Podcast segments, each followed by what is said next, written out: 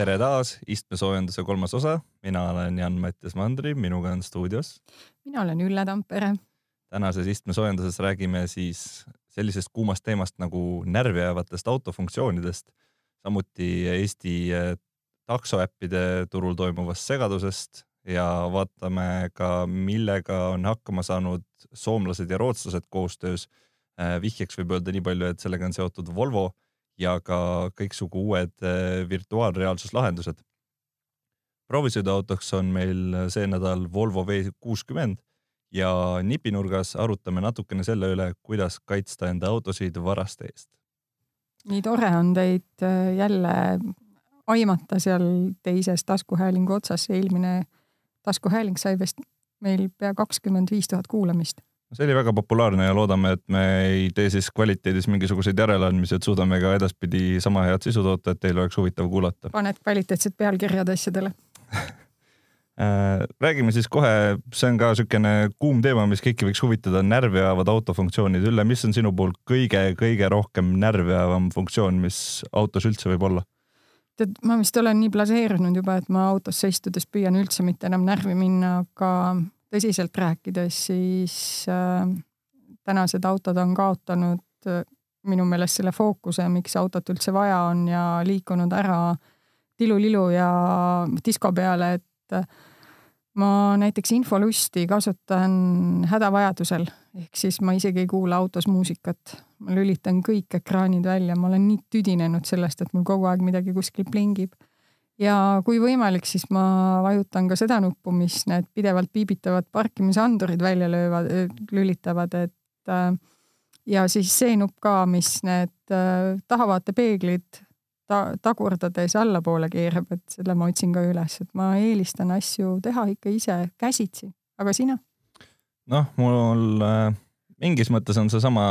kiiksed juhiabid on minu jaoks see, mis kõik need rajahoidjad ja, ja kõik muud sellised asjad. eriti, eriti närvi ajab see, kui, kui on see süsteem, kus rool hakkab ise kiskuma ja, ja selle väljalülitamisnupp on ka peidetud kuhugi menüüde alla, kuskilt sealt mingi väike linnuke vaja teha, et see on nagu tõsiselt kurnav. no sellest me vist rääkisime ka, et vaata, kuna nad neid isejuhtivaid tehnoloogiaid nii vingelt arendavad, et siis need lihtsalt ei ole veel sinnamaale jõudnud, et nad alati toimiksid ja noh, meie kliimas on muidugi see ka juhiabidega, et nad lülitavad ennast välja kohe, kui natuke vihma sajab või lund tuiskab või muda peale läheb, et noh, see on nagu täiesti tavaline. aga Forte artiklis on välja toodud vist isegi üle kümne neid äh, asju, mis inimesi on närvi ajanud ja üks, mis äh, ma siit lugesin ja leian, et on jumala õige tähelepanek, et turvavöö andurid või siis jah, põhimõtteliselt lahtise turvavöö andur hakkab kisendama, kui sa paned äh, juhiistmele, naised panevad käekoti tihtipeale või siis raamatu või ma ei tea, mütsi. et äh, noh, see on küll üks asi, et me oleme kahekümne esimeses sajandis juba ja siis need targad autod ei tunne seda ära, et kas seal peal istub inimene või seal on mingisugune ese lihtsalt pandud. no sellest veel rääkides, siis minu arust on kummaline ka see, et kui ma juba sõidan ja ütleme näiteks tagaistmel teeb üks inimene turvavöö lahti, et ma ei tea, jopet pealt ära võtta näiteks. et siis äh, selle viie sekundi jooksul, mis turvavöö lahti on, siis ta peab ka kohe panema kriiskama, et ei, ei, no ma saan ju ise aru, kui ma sõidan autos, et keegi teeb tagaistmel turvavöö lahti, et ilmselt see on mõeldud siis selleks, et lapsed ei teeks äh, salaja ei teeks pättust, et ja isa, ma panin turvavöö kinni ja siis teeb uuesti lahti, aga aga... see on nagu noh, kui vaadata seda üldpilti ja neid asju, mis selles artiklis ka välja on toodud, siis äh, meil need autod on ehitatud üha enam sedamoodi, nagu inimesed, kes sinna sisse istuvad, oleksid idioodid. ja, ja noh, nagu selline tohutu lapse hoidmine käib seal, kus seda tegelikkuses ei oleks vaja. ja tihtipeale noh, ka mu oma kogemus on see, et kui sul autos mõni helisignaal hakkab keset sõitu ootamatult üürgama siis tõmbab sinu tähelepanu kõrvale liikluselt ja ehmatab. et siis äh, see on ka põhjus, miks ma ütlen, et ma otsin üles kõik nupud, kus ma saan kõik asjad võimalikult välja lülitada. et noh, ma ei räägi sellest, et äh, siin loos vist ei, ei ole juttu, aga uutel autodel on mootori hääl siis noh, kui me räägime sportlikumatest pereautodest, et neil on siis mootori hääl äh, elektrooniliselt võimendatud ja sa kuuled seda sõitjate ruumi, mis on minu meelest ka täielik nonsenss, et äh, sinna sellesama võimendatud mootori hääle alla näiteks mattuvad needsamad helisignaalid ja, ja lõpuks see pilt on seal autos sees, helipilt on väga segav rääkides nendest hoiatustest, siis ma natukene etteruttavalt räägiks üheks ühest juhtumist, mis mul oli äh, siis selle Volvo V60 proovisõiduautoga, millega ma käisin. Äh, sõitsin umbes esimesed paar kilomeetrit ja noh, ma ütleks, et see vahe kahe auto vahel oli rahulikult sihuke kümme pluss meetrit ja järsku ühel hetkel käis sihuke valiplinn või nagu selline märguandehääl ja mina loomulikult selle peale vajutan automaatselt pidurit kui mingi asi niimoodi, noh, see oli ikka tõesti vali hääl ja vajutasin automaatselt pidurit ja auto veel pidurdas otsa sinna ja siis me panime kahekesi kahe peale nagu põhimõtteliselt pidurit plokki. lihtsalt sellepärast, et tegelikult kuskil tükk maad ees oli üks auto natukene pidurdanud, et, et ja, ja kusjuures noh, see on nüüd nendel autodel, mis äh, siis eelminejaga mõõdavad äh, vahekaugust. Aga Uku tõi oma loos välja ka selle, et parkimisandurid on niisugused, mis hakkavad sul karjuma siis, kui sul on äh, takistusega nelikümmend sentimeetrit vahet või, või kui sul on näiteks rohulible natuke pikemaks kasvanud, siis kõik need andurid juba kisendavad, et see on täielik absurd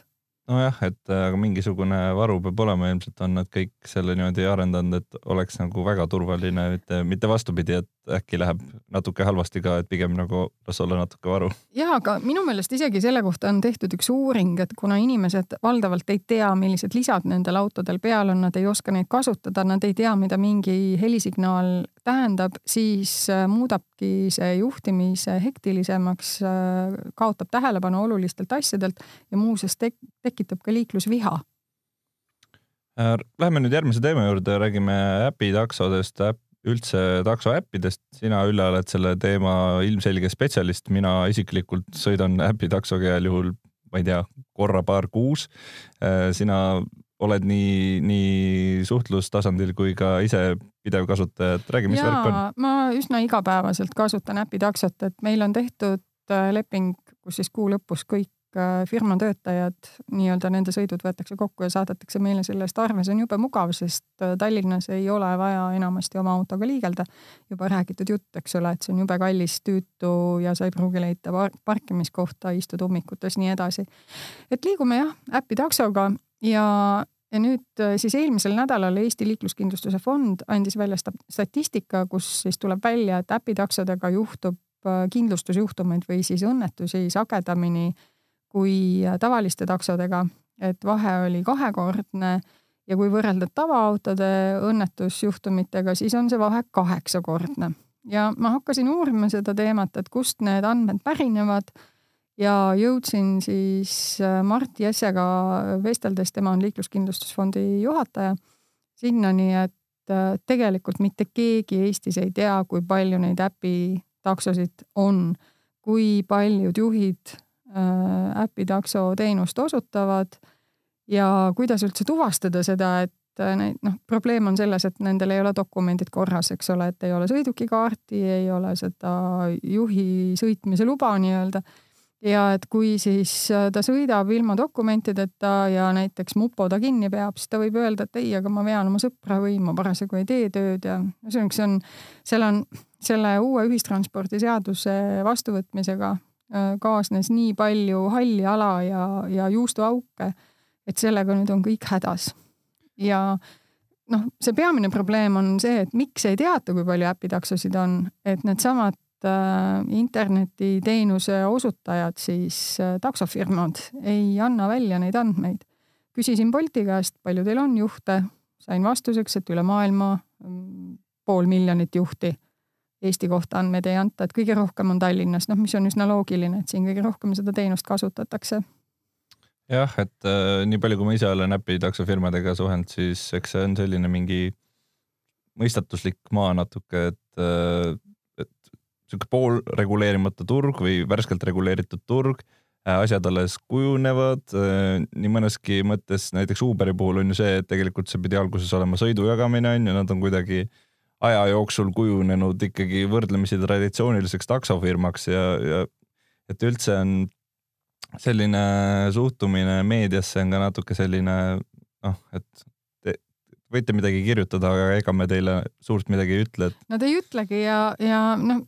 nagu selle pika teema kokkuvõte on see, et mul on kahju nendest taksojuhtidest, kes seaduse järgi teenust osutavad, olgu siis äpi alt või niisama, aga nemad maksavad oma kindlustust, mis on oluliselt kallim, kui sa registreerid auto taksona, kui oleks tavaautol Nad teevad oma dokumendid korda, nad teevad seda tööd igapäevaselt, kuna meil turul võitlevad mitmed äpitaksofirmad, siis need hinnad on väga madalad. kliendina muidugi see on jube mõnus, aga võib-olla oleks kliendina siinkohal mõistlik ikkagi jalgadega mõnikord hääletada ja eelistada neid, neid ettevõtteid, kes on nii-öelda nagu seaduskuulekad, annavad oma andmed välja ja ma ei tea, minule muidugi tähendab see mugavustsoonist välja tulemist, aga kuna ma olen, ma fännan elektriautosid, siis ma olen endale lahenduse leidnud, et ma ilmselt hakkan Teslasid edaspidi tellima, sest ma tean, et nendel on asjad alati korras. ja siis nüüd sissejuhatuseks meie sellenädalasele proovisõidule räägime Volvo ja Vario koostöös loodud liitreaalsusrakendusest ja taas Ülle, sina oled selle teema peal palju rohkem kodus kui mina ja ma vaatasin ja püüdsin aru saada, et mis see siis on, et soomlaste idufirma Varjo on välja töötanud põhimõtteliselt sellise võimaluse, kus need kobakad VR-prillid äh, ühendatakse siis reaalse eluga, ehk siis istud sina oma autosse, paned prillid pähe ja kukud siis kinnisel alal testisõite tegema või midagi. ja no see tundub nagu piisavalt segane, et ületada uudiskünnist, et nüüd Volvo on esimene, kes selle lahenduse on teinud. põhjendus on väga lihtne. Nad hoiavad niiviisi kokku kokku kõvasti testimiskulusid ja saavad ka lihtsamalt tagasisidet, et noh, ise kujutad ette, et kui siin näiteks kuskile kinnisele alale Rootsi metsade vahele lastakse lahti, pannakse need prillid pähe ja siis lastakse sul seal sõita ja proovida mingeid juhiabisüsteeme ja ma ei tea, mingeid lisafunktsioone ja mida iganes. et siis äh, sa annad selle kohta tagasisidet, et see ilmselt on veits odavam teha, kui, kui see, et sa pead kõiki ükshaaval hakkama katsetama päriselus, et panedki autole need funktsioonid peale ja mõtledki välja need tehnoloogiad. ma arvan, et see Volvo ja Vario uudis on sellele tänasele esimesele, mis on siis need lollakad lahendused, millega me autos kokku puutume, justkui nagu hea kaaslane, et tõenäoliselt Volvo saab käe vahele mitmetegi lahenduste puhul, mis ongi absurdsed, tülikad, ei anna mitte midagi juurde tänu sellele, et ta noh, siis teeb nii-öelda need arvutisimulatsioonid kõik läbi. minu jaoks üks suur küsimus selle puhul on see, et äh, miks selleks siis reaalset autot on vaja, et tänapäeval on ju võimalik luua simulaatorid, noh, võtame näiteks lennunduse onju, et seal ju tegelikult tehakse enne nii palju kuiva trenni simulaatori peal, et miks sedasama asja lihtsalt autode testimise puhul ei võiks samuti ainult simulaatoril teha tead, aga sa ei saa ilmselt päriselt seda tunnet ikkagi kätte, et kui sa istud päris autos ja kui sa sõidad päris teel, siis see on erinev sellest kui simulaator, et ma olen neid VR asju natukene proovinud ka ja minu meelest see ei ole midagi päris elulist, ta on ikka nagu sihuke noh, sa saad aru, et keegi on püüdnud midagi teha, see on sama nagu see autosse juurde pandud mootori hääl, et kui on Jaguar I-Pace elektriauto, et siis see teeb sul V8 häält, noh, tule taevas maa peale no ma tehnoloogia ajakirjanikuna ikkagi ütleksin, et äh, nii VR-i ehk siis virtuaalreaalsuse kui ka AR-i ehk siis nii-öelda liitreaalsuse puhul on, on hästi suur erinevus just selle koha pealt, et kui palju tegelikult see arendaja on viitsinud sinna raha sisse taguda ja sellega tegeleda. et äh, muidugi jah, sellised põlve otsas tehtud lahendused ongi põlve otsas tehtud lahendused, et äh, nendest mingit kvaliteetset kogemust kätte ei saa. aga kui me vaatame, siis tegelikult on mitmed firmad, näiteks Google ja, ja, ja ka mänguarendajad näiteks teinud selliseid mänge, mille puhul ei ole juba seda erinevust tunda, et aa, et keegi on nüüd nikerdanud siin midagi valmis, et need on ikkagi täiskvaliteetsed asjad juba, et ma arvan, et see võib olla täitsa autotööstuse tulevik, et tuua need asjad ka päris üle virtuaal- või täiendatud reaalsus ma usun, et ongi ja, ja pigem võib-olla on siis Volvol natukene nagu nipiga asi ka, et me liidame päriselu ja, ja siis äh, selle nii-öelda virtuaalsuse, et äh, ilmselt enamus asju toimuvadki neil selles samas väikeses toas, nagu meiegi sinuga oleme, et lihtsalt on tore pressiteates öelda, et me oleme leiutanud jalgratta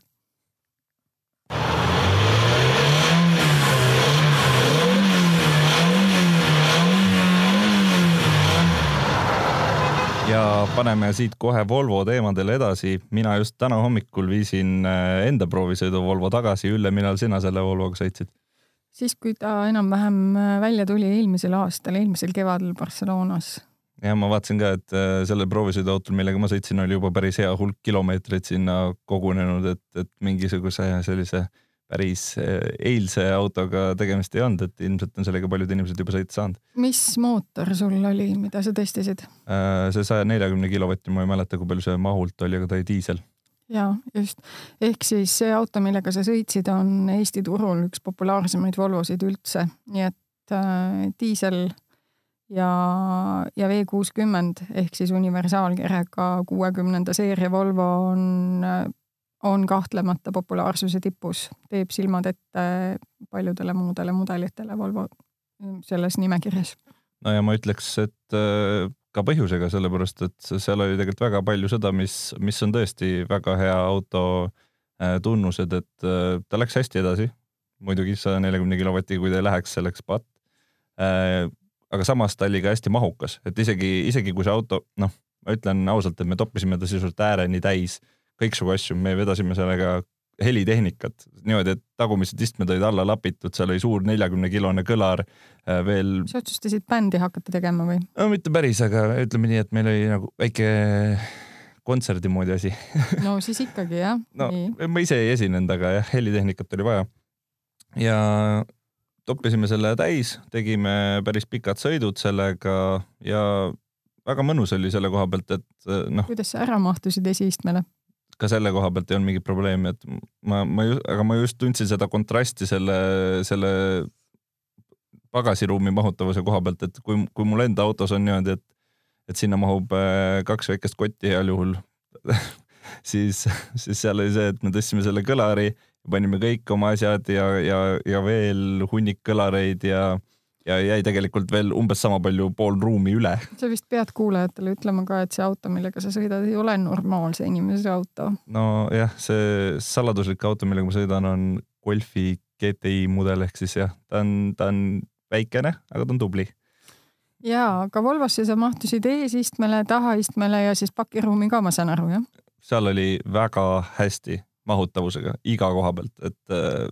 eesistumisega ei olnud probleemi tahaistmele mahutab ilusti kolm inimest, ka suurt inimest, ka sellist inimest nagu mina mahuks sinna kolm tükki istuma. sa võid rahulikult panna viis inimest, kõik nende kotid veel sinna taha ja ma arvan, et jääks veel ruumi üle ka. võib-olla mingi koer saaks lasta sinna pagasiruumi nende kottide peal veel pikali. kuidas emotsiooniga oli, et ma mäletan, Uku testis sellesama, seda kõrgendatud cross-country versiooni ja ütles, et et noh, et ta ei ole nagu üleliia emotsionaalne auto, et ta on kõik, ta on jube praktiline, ta on väga vastupidav, ta on loodud vastupidavaks. seal on äh, näiteks Volvol on see programm, et sa nii-öelda ei pea autot välja vahetama, vaid et sa saad seda autot kogu aeg äh, uuendada. küsimus ongi selles, et kuidas sa tema eest hoolitsed.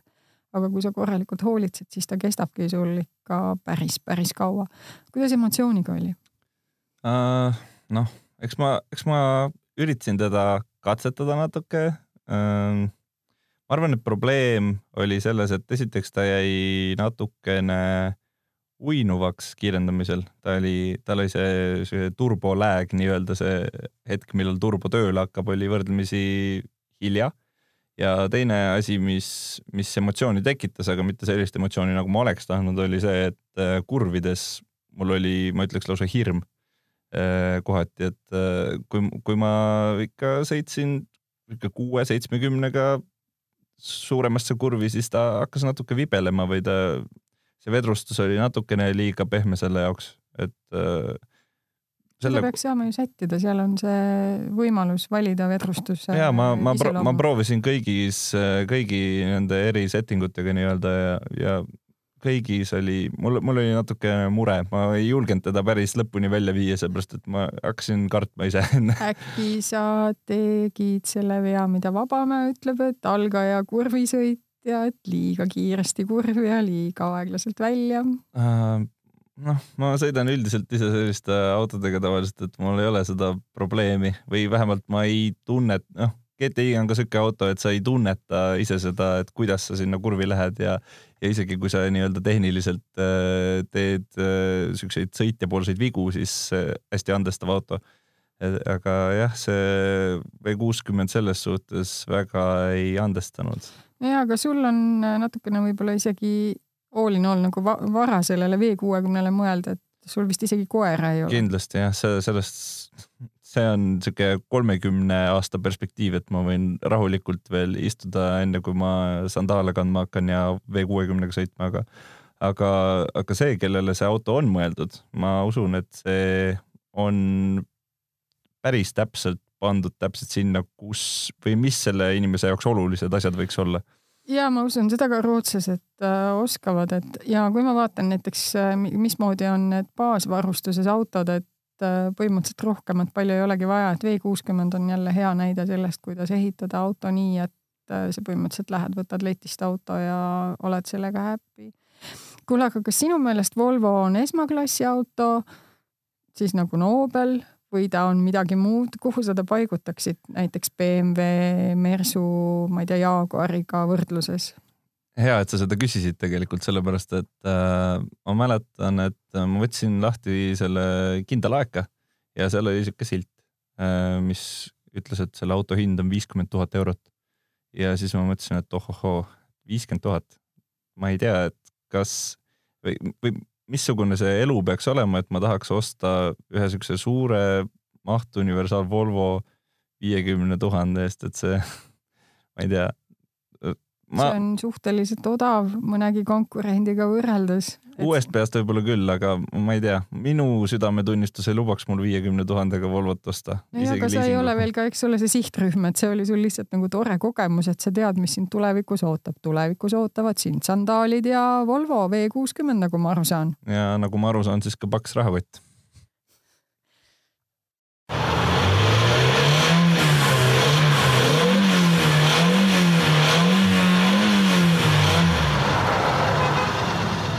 nii, viimaste nädalate valguses räägime varga kaitsest, et äh, siin hiljuti saadi kätte ühed Leedu pätid, kes olid äh, varastanud siis eestlaste autosid äh,. Ülle, mis sinu soovitused on, kuidas inimesed võiks oma autosid varaste eest kaitsta? kui see auto juba on olemas, siis vist kõige lihtsam oleks äh, kaitsta seda autot nii, et mitte võtta puldiga võtit, vaid võtta see tavaline, millega sa siis paned start, süütesse ja siis äh, lülitad starterit aga see on ju ometi nii ebamugav. kuidas võtta, kui su auto ära viiakse, siis on see oluliselt ebamugavam, aga muidu soovitavad äh, eksperdid äh, osta spetsiaalne varjekott, me vist tegime isegi eksperimenti selle kohta, et varjekott, mis äh, noh, idee poolest on niisugune tavaline elegantne kotikene, mis näeb välja nagu rahakott näiteks ja kus on siis mingi see spetsiaalne, ma ei tea, hõbepaberit meenutav varjesti vahel, et siis seal sees seda võtit hoida või siis lihtsam, aga ka noh, natukene kahtlasem variant on see metallkarp, et äh, ostad poest kommi metallkarbis ja siis paned sinna oma autovõtme. ja seal peab vaatama, et seal äh, karbi kaane vahele ei jää pragu ja et karp oleks terve, et siis ka hoiab selle signaali kinni ja minu arust on mõlemad need variandid sellised natukene nilbed, et üks on see, et sul on mingi kotikene, kus on su võtmed sees ja no kommikarbist me ei hakka rääkimagi, siis on nagu. pista see taskusse endale. tööl tekivad kohe valed ootused, kui sa tuled, paned enda laua peale kommikarbi, siis kõik tulevad nagu noolima, aga tegelikult sul midagi pakkuda ei olegi, vaid on lihtsalt auto. ma näitan teile oma võtmeid autovõtmed on seal sees, et äh, aga ja... hõbepaber on ju ka variant. noh, jah, siis võid endale fooliumist mütsikese ka valmis teha, aga, aga ma arvan, et, äh, et ilmselt see esimene asi, mis sa pakkusid, on kõige loogilisem, et siis ei tasu võtta, kui sa, kui sa tõesti nagu kardad, et su auto ära varastatakse või kui sa, kui sul pole kasko tehtud, et see viisteist prossa omavastutust, noh, selle ilmselt elab üle, kui sul see ükskord, ma ei tea, viie aasta jooksul auto ära varastatakse. just enne sa ütlesid, et peab olema Volvoga paks rahakott, et no palun väga, et kui sul Volvo ära varastatakse viisteist protsenti kaskot, see on päris, päris kena raha ikkagi leida, et. nojah, siis, siis on vaja võtta väike laen ja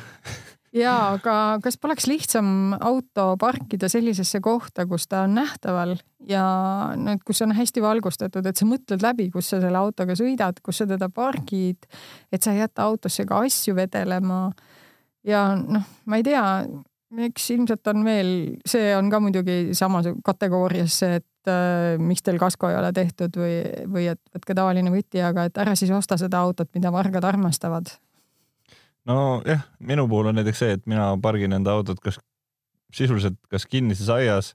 või siis parkimismajas, et siis ei ole kummalgi puhul seda probleemi, et ma peaksin muretsema, jah, okei okay,, mul on vahepeal auto tänaval väljas ka, aga, aga noh, kui, kui see on vaja, kui keegi peab selle ära varastama, siis ta varastab selle ära nagunii. kuule, ma ikka ei saa öelda, kui sa parkimismajas äh, pargid, et kui sa selle raha paneksid kõrvale, sul oleks see Volvo juba varsti käes. mul oleks kaks Volvot juba, kui aus olla ehk siis ja millest me räägime, et Volvoga peab olema paks rahakott. jah, parkimismaja jaoks peab ka olema paks rahakott, seega kui te tahate enda autosid säästa, siis äh, valige kas auto, millel ei ole seda tarka võtit või siis äh, hakake koguma parkimismaja jaoks. minuga siin stuudios istub mees, kellel on Golf GTI ja siis, kes on maksnud selle eest kahe Volvo hinna, et seda varaste eest kaitsta. päris hea, kõva mees